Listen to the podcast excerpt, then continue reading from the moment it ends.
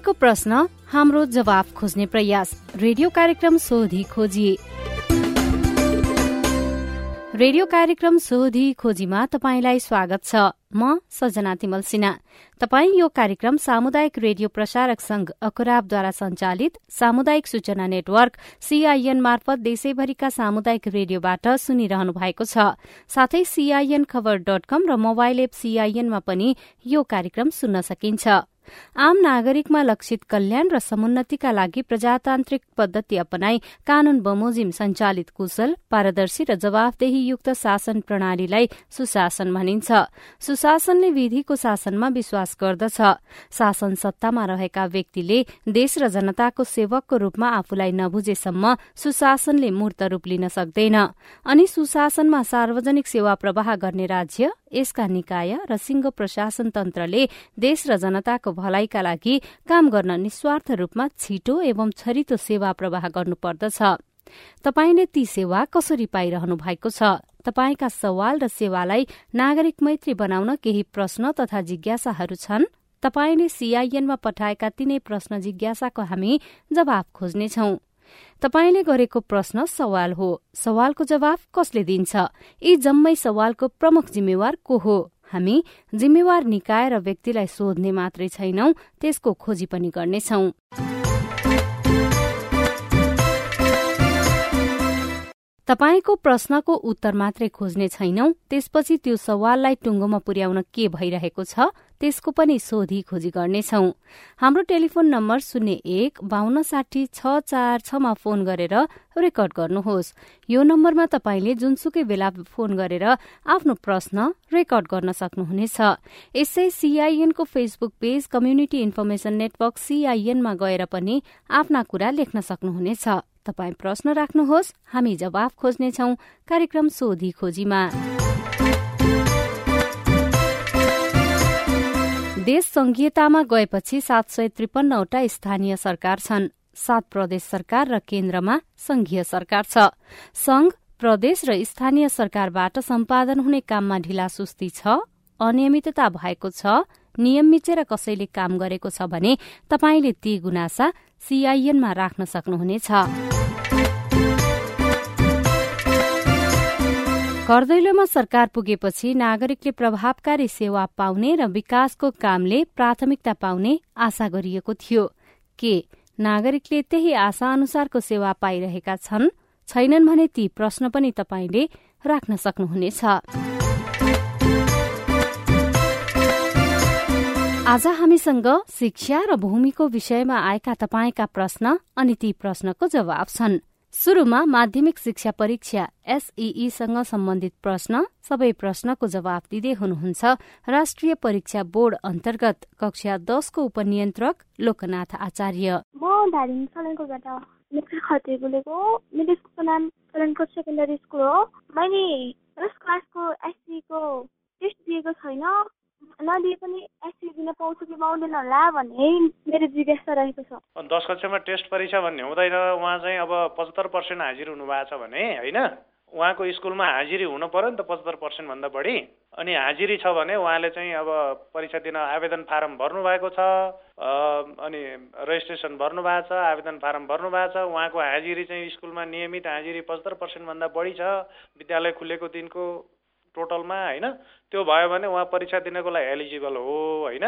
तर उहाँले फर्म भर्नु भएको छ छैन त्यो कुरो पनि क्लियर भएन। अर्को कुरा चाहिँ उहाँ पचहत्तर पर्सेन्टभन्दा बढी हाजिर हुनुहुन्छ कि हुनुहुन्न त्यो पनि क्लियर भएन। त्यो कुरो चाहिँ स्कुलमा गएर बुझ्ने। स्कुलले पचहत्तर पर्सेन्टभन्दा बढी हाजिरी भएको छ आवेदन फारम भरेको छ भने उनी चाहिँ एसएलसी दिन पाउँछन्। नमस्कार म अछाम जिल्ला ढकारी गाउँपालिका दुई हिचमादेखि नमस्ते छेत्री मेरो जिज्ञासा के छ भन्दा दुई हजार अठहत्तर सालमा एसी दिएर आठवटै विषय लागेको विद्यार्थीले फेरि एसी दिनु परेमा नयाँ विद्यार्थीसँगै रेगुलरबाट परीक्षा दिन मिल्छ कि अलग बसेर ओन रेगुलरबाट एसी दिन मिल्छ र दुई हजार उनासी सालको एसी चैत सत्र गते हुने भन्ने कुरा सुन्नेमा आएको छ र यो परीक्षा कति बजेबाट कति बजेसम्म हुने होला जानकारी पाएको भए आभारित हुन्थे धन्यवाद। ए पहिलो कुरो त अब तपाईँलाई रुटिङ चाहिँ हरेक ठाउँमा पुगेको छ होइन? अब रुटिङ हेर्नु पर्यो प्रत्येक स्कुलमा पुगिसकेको छ रुटिङ हाम्रो वेबसाइटमा चाहिँ छ अब सत्र गतेबाट हुने परीक्षा चाहिँ आठ बजीदेखि एघार बजीसम्म हुने हो तिन घन्टा होइन? अब जहाँसम्म चाहिँ उहाँको सबै विषय लागेको हो र चाहिँ उहाँले चाहिँ पूरक परीक्षामा चाहिँ ग्रेड वृद्धि परीक्षामा भर्नु भएको छ पुरै विषय भर्नु भएको छ भने उहाँ एक्जामटेडबाट भर्न नि सक्नुहुन्छ। अब तिन वर्षपछि चाहिँ उहाँ चाहिँ रेगुलर विद्यार्थी भएर परीक्षा दिन पनि सक्नुहुन्छ। नमस्कार कल्याण जिल्ला कुमा गाउँपालिका वार्ड नम्बर छ बडागाउँबाट म मोहन देवकोटा। गत वर्षको एसिईमा जनकल्याण मावि कोर्टको परीक्षा केन्द्र रागेचौरमा परेको। र अहिले विद्यालयलाई जानकारी नगराइकनै आफू खुसी हाम्रो विद्यालयलाई पुनः महेन्द्र मावि जिमालीमा एसी केन्द्र सार्नुको कारण के हो त्यो विषयमा प्रश्न पारि पाऊँ र पोहोर सालको निर्णय अहिले विद्यालयलाई पुनः बिना जानकारी त्यो गरिनुको कारण के हो दुई चारवटा व्यक्तिको मात्रै कुरा सुन्ने र संस्थालाई पछाडि पार्ने के नियम हो यसको प्रश्न जवाब पाऊँ। धन्यवाद। अब यो परीक्षा केन्द्र निर्धारण गर्ने चाहिँ सम्पूर्ण अधिकार जिल्ला परीक्षा समन्वय समितिलाई हुन्छ। जिल्ला परीक्षा समन्वय समितिको अध्यक्ष सम्बन्धित जिल्लाको चाहिँ प्रमुख जिल्ला अधिकारी र सदस्य सचिव चाहिँ सोही जिल्लाको चाहिँ शिक्षा कार्यालयको चाहिँ प्रमुख हुन्छ। अब उहाँहरूले त्यहाँ चाहिँ हाम्रो सुरक्षा निकायको पनि त्यहाँ चाहिँ प्रतिनिधित्व हुन्छ।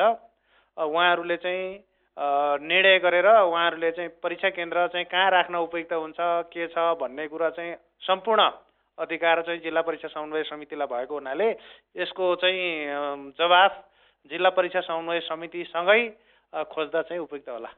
अर्को प्रश्न छ सिआइएनको फेसबुक पेजमा आशिष महतोले लेख्नु भएको छ एसइई दुई हजार उना असीमा अकाउन्टको journal voucher statement of expenditure etcetera new accounting सिस्टमको आउने हो कि ओल्ड अकाउन्टिङ सिस्टम? केही जानकारी पाऊ? Student are in confusion. Previous year पनि धेरैजनाले न्यू अकाउन्टिङ सिस्टम पढेका तर एसइईमा ओल्ड अकाउन्टिङ सिस्टमको journal voucher statement of expenditure आएको थियो। यसपालि चाहिँ नयाँ आउँछ कि पुरानो भनेर जिज्ञासा राख्नु भएको छ। यो महालेखा परीक्षाको फारमहरू चाहिँ चेन्ज भएपछि हामीले विद्यार्थीहरूलाई त्यसैमा अभ्यस्त गराउनु पर्ने हुन्छ। किनभने त्यो प्र्याक्टिकेबल पनि हो। उनीहरूलाई प्रयोग गर्ने फारम एउटा र परीक्षा दिने फारम एउटा गर्नु हुँदैन। विगत वर्षमा चाहिँ हाम्रो पाठ्यपुस्तकहरूमा पुरानै फारमहरू पढाइ भएको भन्ने हिसाबले पुरानो र नयाँ विद्यार्थीले चाहेअनुसार दुवै गर्न सक्ने भन्ने निर्णय गरेर पठाएका थियौँ राष्ट्रिय परीक्षा बोर्डबाट। र पुरानो गर्नेले पनि नम्बर पाए र नयाँ गर्नेले पनि नम्बर पाए। यो वर्षको हकमा नयाँ चाहिँ फारमहरू प्रयोग हुन्छन् नयाँ फारमै जान्छ त्यसमा कन्फ्युजन हुनुपर्ने अवस्था छैन। उहाँ हुनुहुन्थ्यो राष्ट्रिय परीक्षा बोर्ड अन्तर्गत कक्षा दसका उपनियन्त्रक लोकनाथ आचार्य एसईसँग सम्बन्धित प्रश्नको जवाफ दिँदै। अब कक्षा बाह्रसँग सम्बन्धित प्रश्नको पालो। सबै प्रश्नको जवाफ दिँदै हुनुहुन्छ राष्ट्रिय परीक्षा बोर्ड अन्तर्गत कक्षा बाह्रको परीक्षा उपनियन्त्रक कृष्ण घिमिरे। नमस्कार मेरो नाम चाहिँ अमृता जोशी गौमल गाउँपालिका चार बाजुराबाट। मेरो प्रश्न यो छ कि मेरो यो कक्षा बाह्रको चाहिँ परीक्षा फर्म भरियो। अनि कारणवश चाहिँ त्यो अनलाइन इन्ट्री चाहिँ छुटेछ अनि यसको लागि चाहिँ म परीक्षा दिन पाउँछु कि पाउँदिनँ र परीक्षा न अनि के गर्नुपर्छ यसको जवाफ पाए आभारी हुने। हामीले कक्षा बाह्रको आवेदन फारम भर्नको लागि माघ पन्ध्रसम्मदेखि फागुन पन्ध्रसम्मको टाइम तोकेको थियौँ। त्यसै गरी अनलाइन गर्नको लागि हामीले माघ फागुनको एक्काइस गतिभित्र गरिसक्नु पर्ने भनेर यहाँ जानकारी गराइसकेको हो। अब यहाँको प्रश्नमा फारम भरे अनलाइन इन्ट्री गरेको छैन भन्नुभएको छ। फारम भरे अब कुन अवस्थामा फारम सँगसँगै यहाँले शुल्क पनि बुझाएको हो भने अब अनलाइन इन्ट्रीको लागि हामी त्यो चाहिँ अब यहाँले निवेदन दिनुभयो विद्यालय मार्फत भने इन्ट्री गर्न सक्छौँ। तर शुल्क पनि बुझाएको छैन भने त्यसको लागि छुट्टी निर्णय गर्नु पर्ने त्यसको लागि मैले प्रकार यसो हुन्छ भन्ने अवस्था छैन। यस्तो छ पहिलो कुरो उहाँले विद्यालयले गर्ने काम हो त्यो। उहाँले विद्यार्थीले फोन गर्नु हामीलाई विद्यालयले त्यो सम्बन्धित विद्यार्थीको शुल्क हाम्रो कार्यालयमा डडेलधुरा कार्यालयमा बुझाइसकेको छ र अनलाइन इन्ट्री भएको छैन भने त्यसको हकमा हामी डडेलधुरा कार्यालयलाई नै ल एउटा इन्ट्री गर्ने अप्सन खोलिदिएर त्यो इन्ट्री गर्न सकौँ गर्न सक्छौँ। तर उहाँको शुल्क नि बुझाएको छैन भने त्यो छुट्टै निर्णय गर्नुपर्ने त्यो चाहिँ अलिक टाइम लाग्छ। त्यो चाहिँ मैले यसै अहिले तत्काल कहिले हुन्छ भन्ने अवस्था हुँदैन। उहाँ निवेदन दिने चाहिँ अब विद्यालय मार्फत डडेलधुरा कार्यालयमा निवेदन दिने हो। त्यही मेरो नाम सुरज पन्त हाल चाहिँ नेपाल तानसेनबाट बोलिरहेको छौँ। हाम्रो क्लास इलेभेनको इक्जाम चाहिँ कहिलेदेखि कति बजीदेखि हुन्छन् होला? जानकारी पाए खुसी हुन्थे। अब कक्षा एघारको परीक्षा सञ्चालन सम्बन्धमा राष्ट्रिय परीक्षा बोर्डले एउटा निर्देशिका बनाएर सम्बन्धित विद्यालयले नै परीक्षा लिने भन्ने व्यवस्था गरिसकेको छ। त्यो अवस्थामा त्यो निर्देशिकामा सामान्यत असार मसान्तभित्र परीक्षा लिइसक्नुपर्ने हुने व्यवस्था छ। अहिलेसम्मको चलनअनुसार कक्षा बाह्रको परीक्षाभन्दा अगाडि चाहिँ कक्षा एघारको परीक्षा लिन नपाउने भन्ने हामीले निर्देशन गरेका छौँ। त्यसैले हाम्रो कक्षा बाह्रको परीक्षा जिएसको पाँच सकिन्छ। त्यसपछि विद्यालयले नै सूचना निकालेर यहाँलाई जानकारी गराउँछ। त्यसपछि परीक्षा परीक्षा सञ्चालन हुन्छ।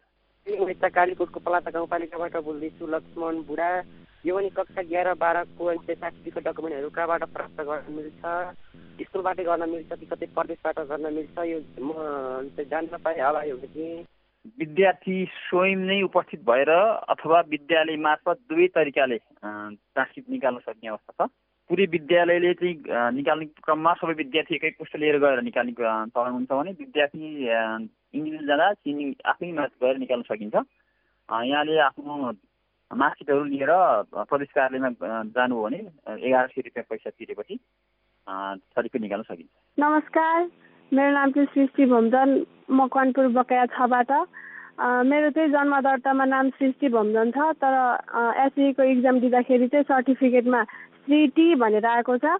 तर मेरो नागरिकता पनि बनाइसकेको छ। नागरिकतामा चाहिँ सृष्टि नै भनेर आएको छ। अब यो बाह्रमा नि यसरी नै आउँछ कि? आउँछ होला कि? मेरो पछि केही समस्या हुन्छ कि? हुँदैन भनेर सोध्नको लागि गरेको हो। यसको लागि के गर्नुपर्छ? कक्षा दसमा जे नाम छ कक्षा बाह्रमा पनि त्यही नाम पनि हुन्छ। कक्षा दसमै यहाँले सच्याउनु पर्ने हुन्छ। यदि यहाँको नागरिकता र सर्टिफिकेटमा नाम फरक परेछ भने। पहिलो कुरो यहाँले फर्म भर्दाखेरि अथवा रजिस्ट्रेसन गर्दाखेरि के नाम भर्नुभएको छ? त्यो रजिस्ट्रेसन कार्ड यहाँसँग होला। सँगसँगै प्रवेश पत्रमा के नाम लेखिएको छ? यदि नाम यहाँले भनेअनुसारकै अब नागरिकता अनुसारकै नाम छ भने त्यसको त सचिन्छ त्यसको लागि यहाँले मकवानपुर भनेपछि काठमाडौँ आउनु आउनु भएर निवेदन दिँदा पाइन्छ। त्यसको त्योभन्दा पहिला आफूले फारम भरेका डकुमेन्टहरू हेर्नु पर्यो। पहिलो कुरा। दोस्रो फर्ममा चाहिँ नागरिकता अनुसार गर्नुभएको छैन।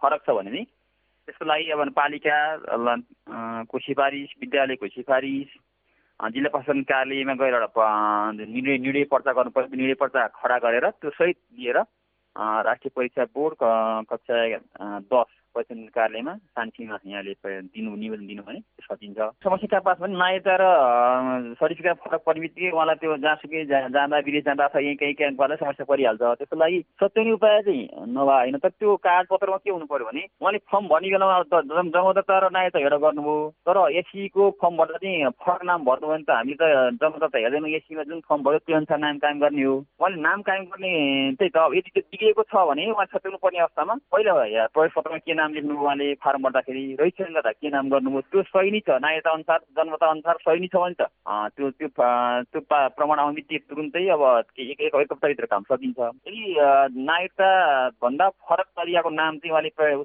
लेख्नु भएको छ भने त त्यसलाई त त्यो फरक हामीले तुरुन्तै सच्याउन सक्दैनौँ। त्यसलाई पालिका सिफारिस चाहियो अनि अब स्कुल सिफारिस चाहियो। सँगसँगै अब जिल्ला प्रशासन कार्यालय त्यो नाम जात सच्याउने ऐन दुई हजार सत्र भनिन्छ त्यो अनुसार प्रमुख जिल्ला अधिकारीले त्यो अधिकार छ। उहाँले पर्चा खडा गरिदिनु भने मात्रै हुन्छ नभए चाहिँ सजिलै हिसाबले सकिँदैन त्यो त। हामीले कक्षा बाह्रको हकमा चाहिँ एसईमा जे त्यही नै गर्नुपर्ने हुन्छ। फार्ममा सही भन्नुभएको छ भनेदेखि त्यो फर्मको प्रवेशपत्र उहाँसँग भइहाल्छ। त्यो प्रवेशपत्र लिएर आउनु भने यदि यसै पालिको हो भने अब छ महिनाभित्र गर्नुभयो भने तुरुन्तै काम सकिन्छ यसलाई के गर्नु पर्दैन।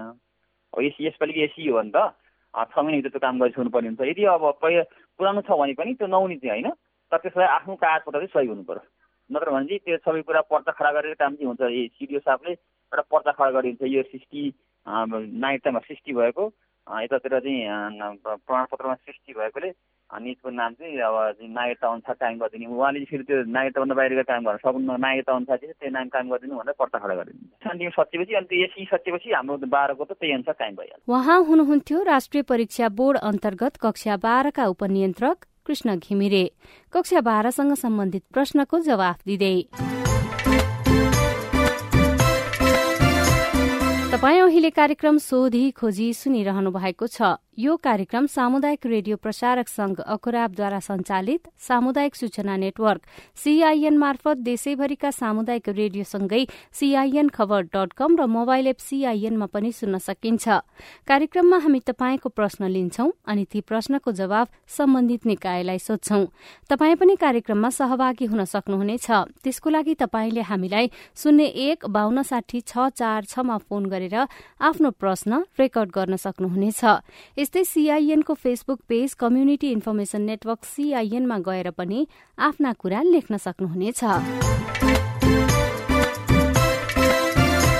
केही बेर अघि हामीले कक्षा दस एघार र बाह्रसँग सम्बन्धित प्रश्नहरूको जवाफ लियौं। अब भने लोकसेवा आयोगसँग सम्बन्धित प्रश्न प्रश्नोत्तरमा हुनुहुन्छ। लोकसेवा आयोगका प्रवक्ता नारायण सुवेदी। म लालबहादुर बुढा डोल्पा जिल्ला मुटकेचुला गाउँपालिकाबाट बोल्दैछु। मेरो नागरिकतामा रहेको जन्ममिति र मैले पढेको प्रमाणपत्रमा रहेको जन्ममिति एक वर्षको फरक छ। मैले शिक्षक लाइसेन्स अर्थात् लोकसेवा आयोगको लागि फर्म भरि परीक्षा दिँदा उक्त उक्त उक्त पेपर चेक हुन्छ कि हुँदैन मेरो जिज्ञासा। अब तपाईँले चाहिँ अब दुईवटा नीति मैले राम्रोसँग बुझ्न त पाइनँ। तपाईँले भने प्रश्न मैले बुझेको ठिकै हो नि। नागरिकता र मेरो सर्टिफिकेटमा मेरो फरक पऱ्यो भन्नुभयो त्यो फरक परेकै कारणले गर्दा जाँदैन नपाउने भन्ने हुँदैन जाँदैन पाउने हुन्छ। तर तपाईँ एज अ कर्मचारी रूपमा चाहिँ तपाईँ तपाईँ यता नियुक्ति हुनुहुन्छ जुनबाट छिटो तपाईँको अवकाश हुन्छ त्यही नै नीति कायम पनि हुन्छ भनेर नै तपाईँ भने कानुनी व्यवस्था त्यस्तो छ त्यो हिसाबले तपाईँले पहिलो जनमिति जुन छ त्यसलाई बेस गरेर गर्दा हुन्छ होइन? तपाईँले बङ्गलाको पहिला के बनाउनु भयो पहिला सर्टिफिकेट थियो भने त सर्टिफिकेटको बेसमा नागरिकता बनाएको भए राम्रो हुन्थ्यो। अब तपाईँको मैले बुझेअनुसार उमेर सकिने अवस्था हुनु छैन होला। छ भने चाहिँ तपाईँ जिल्ला प्रशासन कार्यालयमा सम्पर्क गर्दा हुन्छ।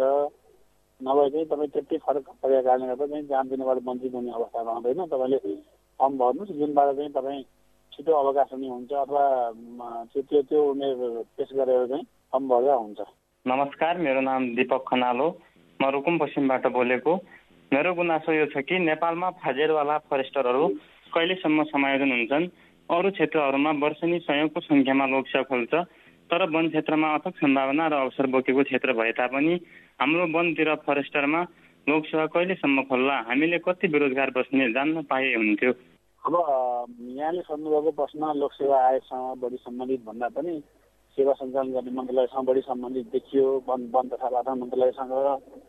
अब जुन फाजिल कर्मचारी समानको कुरा गर्नुभयो त्यो चाहिँ वास्तवमा वन सेवा अन्तर्गतका साविकका निजामती सेवाका कर्मचारीहरूलाई कुन कुन सङ्घीय इकाइ सङ्घ प्रदेश स्थानीय दर र त्यसका युनिटमा कति दरबन्दी समायन गर्ने भन्ने कुरा यो सेवा सञ्चालन गर्ने मन्त्रालयको प्रस्तावमा सङ्घीय मामिला मन्त्रालयबाट खालि टुङ्गो लगाइसकेको अवस्था हो।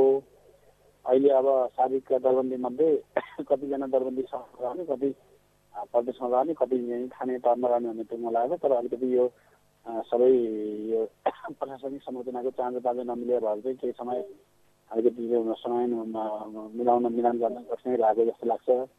यो छिटै टुङ्गेला मैले यसमा यति भन्न सकेँ जुन यहाँले चाहिँ दरबन्दी माग भएन भन्ने कुरा छ। लोकसेवा आयोग चाहिँ कस्तो छ भन्दा चाहिँ वास्तवमा नेपाल सरकारले माग दरबन्दी रिक्त छ भनेर माग गरे आधारमा हामी पदपूर्ति प्रक्रिया अगाडि बढाउने हो। अब जुन यहाँले फरेस्टरको कुरा गर्नुभयो मैले बुझेअनुसार फरेस्टर भनेको सहायक स्तर के अरे राजपत्र अनुचित प्रथम श्रेणीको पद हो भने चाहिँ अहिले त्यस्ता कतिपय धेरै पदहरू चाहिँ प्रदेश स्थानीय तहमा गएका हुन सक्छन्। अहिलेको चाहिँ हाम्रो संवैधानिक अथवा कानुनी व्यवस्था अनुसार चाहिँ सङ्घ सरकार अन्तर्गतका निकायमा रिक्त दरबन्दीको पदपूर्तिको काम हामी लोकसेवा अहिले गर्छौँ।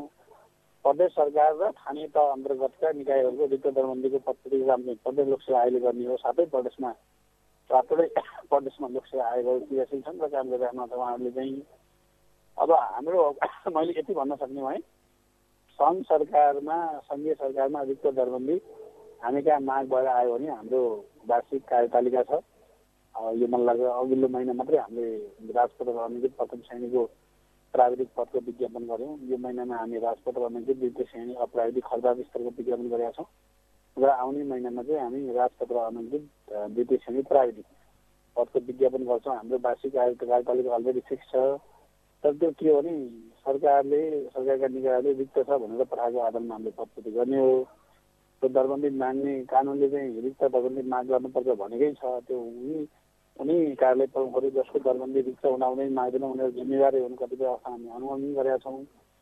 यहाँले जुन सोध्नुभयो यो प्रश्न चाहिँ वास्तवमा एकपटक चाहिँ प्रदेश लोकसेवा आयोगको हकमा के छ? प्रदेश लोकसेवा आयोगमा एकपटक प्रदेश लोकसेवाको चाहिँ त्यो सेवा सञ्चालन गर्ने वन मन्त्रालयसँग सम्बन्धित मन्त्रालयमा र एकपटक सङ्घीय मन्त्रालयको वन मन्त्रालयमा यहाँले बुझ्नुहुन्छ थप यो विषयमा प्रश्न पाउन सक्नुहुन्छ होला। मैले लोकसेवा आयोगबाट यति कुरा भने हामी जहाँ माग आएको अवस्थामा रोकिने अवस्था छैन हामी प्रति प्रक्रिया अगाडि बढाउँछौँ। अर्को प्रश्न छ हाम्रो सिआइएनको फेसबुक पेजमा आएको। उहाँले कुनको भनेर चाहिँ खुलाउनु भएको छैन? दुई हजार सतहत्तर अठहत्तरको खरिदारको र दुई हजार अठहत्तर उनासीको खरिदारको नतिजा कहिलेसम्म आउला भन्नुभएको छ? अब यसको नतिजा तयारीको काम हामी गरिरहेका छौँ अब ठ्याक्क डेट भन्न त यहाँ मैले मैले अप्ठ्यारो हुन्छ। मैले यतिसम्म भन्न सक्ने है। सतहत्तर अठहत्तरको के अरे अठहत्तर उनासीको चाहिँ पहिलो जुन पहिलो विज्ञापनको खरिदार थियो त्यो चाहिँ चौध पन्ध्र गतिभित्र आउँछ। आउँछ होला सम्भवतः। अब अर्को अर्कोको हकमा चाहिँ त्यसको दुई महिनापछि आउन सक्ला। अब त्यो ठ्याक्कै हामीलाई चाहिँ डेटै त्यसरी थाहा हुँदैन। मैले यति भन्न सक्दिनँ अबको पन्ध्र बिस चाहिँ पहिलो विज्ञापनको चाहिँ जुन पहिलो वर्षको विज्ञापन छ त्यो वर्षको विज्ञापनको नतिजा आउला। त्यसको अरू थप दुई महिना तिन महिना दुई महिना प्लस पछि चाहिँ अर्को पछिल्लो वर्षको खर्चको चाहिँ नतिजा आउला। मिलित पैसाको नतिजा आउला। उहाँ हुनुहुन्थ्यो लोकसेवा आयोगका प्रवक्ता नारायण सुवेदी। अब फरक प्रसङ्ग। हेलो हजुर नमस्कार म मोहत्री जिल्लाबाट अब यो हाम्रो चाहिँ लालपुर्चा दिन्छ भनेर चाहिँ मोहत्री जिल्ला बर्जिपा नगरपालिका वार्ड नम्बर दसबाट म मणिलाल स्याङतान बोल्दैछु। अब तपाईँको यो सिआइएन मार्फत सूचना मार्फत यो कहिले पाउने हो के हो यसको जानकारी गराइदिनु हुन म तपाईँसँग अनुरोध गर्दछु। जिज्ञासा मेटाइदिनको लागि हामीले भूमि आयोगका उपाध्यक्ष एवं प्रवक्ता नहेन्द्र खड्कालाई अनुरोध गरेका छौँ। स्याङतानजीलाई प्रश्नका लागि धेरै धेरै धन्यवाद छ। अहिले महोत्तरीमा चाहिँ राष्ट्रिय भूमि आयोग गठन भएपछि पहिलो चरणमै हामीले सूचना प्रकाशन गरेका थियौँ लगत सङ्कलन सम्बन्धी र जग्गा नापजाँच सम्बन्धी। एकैपटक सूचना प्रकाशन गरेर नापी टोलीलाई समेत त्यहाँ पठाइसकिएको छ। विगतमा चाहिँ कन्सल्टेन्सीद्वारा नापिएको त्यो जो जग्गा नाप नक्साहरू थियो त्यसलाई भेरिफिकेसन गर्ने प्रक्रिया अगाडि बढिरहेको छ विभिन्न वडाहरूमा। यही क्रममा म केही दिन अगाडि पनि महोत्तरीमा पुगेको थिएँ। माघ चौबिस गते महोत्तरीमा पुगेको थिएँ र त्यति बेला चाहिँ मैले बर्दिवास नगरपालिकाको प्रमुख प्रशासकीय अधिकृत त्यहाँको चाहिँ महोत्तरी जिल्लाको चाहिँ राष्ट्रिय भूमि आयोगको जिल्ला अध्यक्ष र त्यहाँ काममा खटिएका नापी प्राविधिकहरू यो भूमिहीन तथा अव्यवस्थित बसोबासी सेवा केन्द्रका प्रमुखहरूसँग छलफल गरेको थिएँ। त्यसैले नक्सा भेरिफिकेसन गर्दै छिटोभन्दा छिटो लाल पूर्जा वितरणको तयारी गर्न भनेर त्यहाँ निर्देशित गरिएको छ।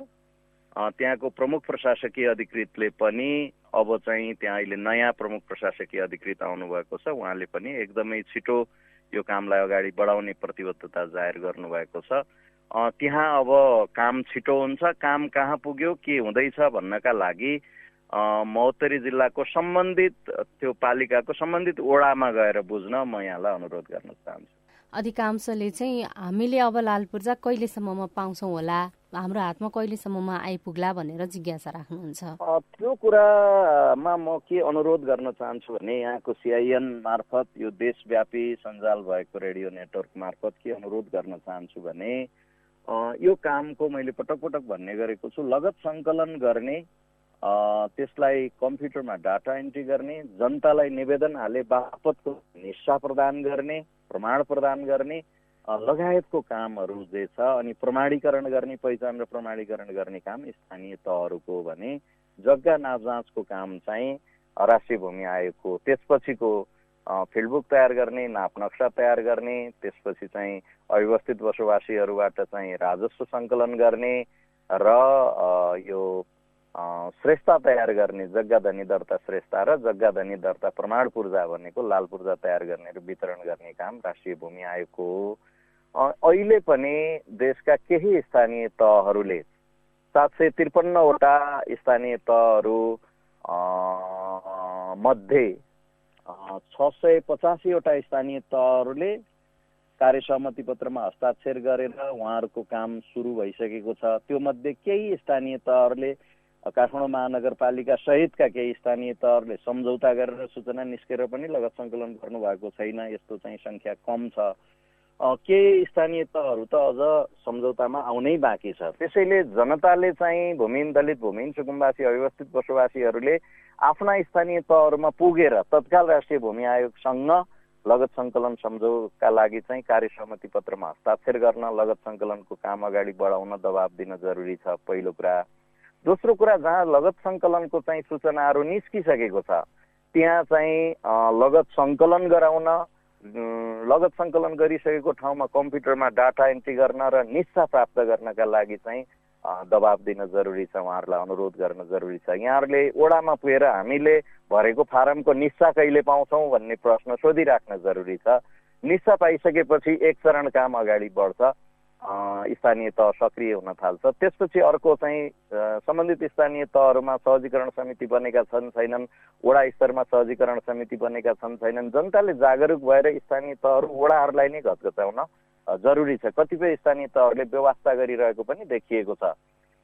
भने कतिले त एकदमै तदारुकताका साथ फेरि छिटोभन्दा छिटो काम गरेर अगाडि बढ्न पनि खोजिराख्नु भएको छ। त्यस्तै चाहिँ जग्गा नापजाँच भएका ठाउँहरूमा नक्साको काम कहाँ पुग्यो भन्ने त्यस्तै प्रमाणीकरणका लागि साथ दिने सूचना प्रकाशन गरेर उजुरबाजुर गर्ने प्रक्रियाहरू छ त्यो कहाँ पुग्यो किन आउँदैन कहिले वर्गीकरणको काम के भयो क्षेत्र निर्धारणको काम के भयो भनेर वडा र स्थानीय तहहरूलाई घचघचाउन जरुरी छ। तलबाट जति धेरै घचघचाउने काम हुन्छ त्यति छिटो आयोगको कामहरू अगाडि बढ्छ। त्यसपछि एउटा कन्सटेन्टको रूपमा रहने भनेको चाहिँ यो नापीको काम हो। नापीको अहिले असीवटा स्थानीय तहमा काम भएको छ। तलका कामहरू अगाडि बढ्दै आउँदाखेरि हामीले चाहिँ यो नापी प्राविधिकहरू थप नापी प्राविधिकका लागि नेपाल सरकारसँग माग गरिराखेका छौँ। त्यस्तो भयो भने हामी थप नापी प्राविधिकहरू समेत मागेर परिचालन गर्नेछौँ। जो हामी काममा छौँ अहिले तल फिल्डमा काम भइराखेकै छ। बाहिर चाहिँ केही नदेखिए पनि छ सय पचासीवटा स्थानीय तहमा लगत सङ्कलन भएको छ। डाटा एन्ट्रीको काम दैनिक चाहिँ पाँच सात हजारको दरमा देशव्यापी रूपमा भइरहेको छ। अगाडि बढिरहेको छ त्यो। उहाँ हुनुहुन्थ्यो भूमि आयोगका उपाध्यक्ष एवं प्रवक्ता नहेन्द्र खड्का। तपाईँका प्रश्नहरूको जवाफ खोज्दा खोज्दै रेडियो कार्यक्रम सोधी खोजीको आजको अङ्कबाट विदा लिने समय भएको छ। तपाईँलाई यो कार्यक्रम कस्तो लाग्यो? नागरिकले प्राप्त गर्ने सेवा र विकास निर्माणको कामलाई गुणस्तरीय र प्रभावकारी बनाउन के गर्नु पर्ला तपाईँका केही सुझाव र टिप्पणी छन् भने हाम्रो टेलिफोन नम्बर शून्य एक बान्न साठी छ चार छमा फोन गरेर आफ्नो प्रश्न रेकर्ड गर्नुहोस्। यो नम्बरमा तपाईँले जुनसुकै बेला फोन गरेर आफ्नो प्रश्न रेकर्ड गर्न सक्नुहुनेछ। यस्तै सीआईएनको फेसबुक पेज कम्युनिटी इन्फर्मेशन नेटवर्कमा गएर पनि तपाईँले आफ्ना कुरा लेख्न सक्नुहुनेछ। तपाईँ प्रश्न राख्नुहोस् हामी जवाफ खोज्नेछौ कार्यक्रम सोधी खोजीमा। यो कार्यक्रमलाई थप प्रभावकारी बनाउन तपाईँको सुझाव महत्वपूर्ण रहनेछ। हेलो सीआईएनमा हरेक दिन र रेडियो कार्यक्रम मार्फत अर्को हप्ता तपाईँका प्रश्नको जवाफ खोज्दै आइपुग्नेछौ। आजका लागि प्राविधिक साथी सुभाष पन्तलाई धन्यवाद। अहिलेको रेडियो कार्यक्रम सोधी खोजीबाट सजना तिमल सिन्हा विदा हुन्छु। प्रश्न सोध्न अप्ठ्यारो नमानौ। नमस्कार।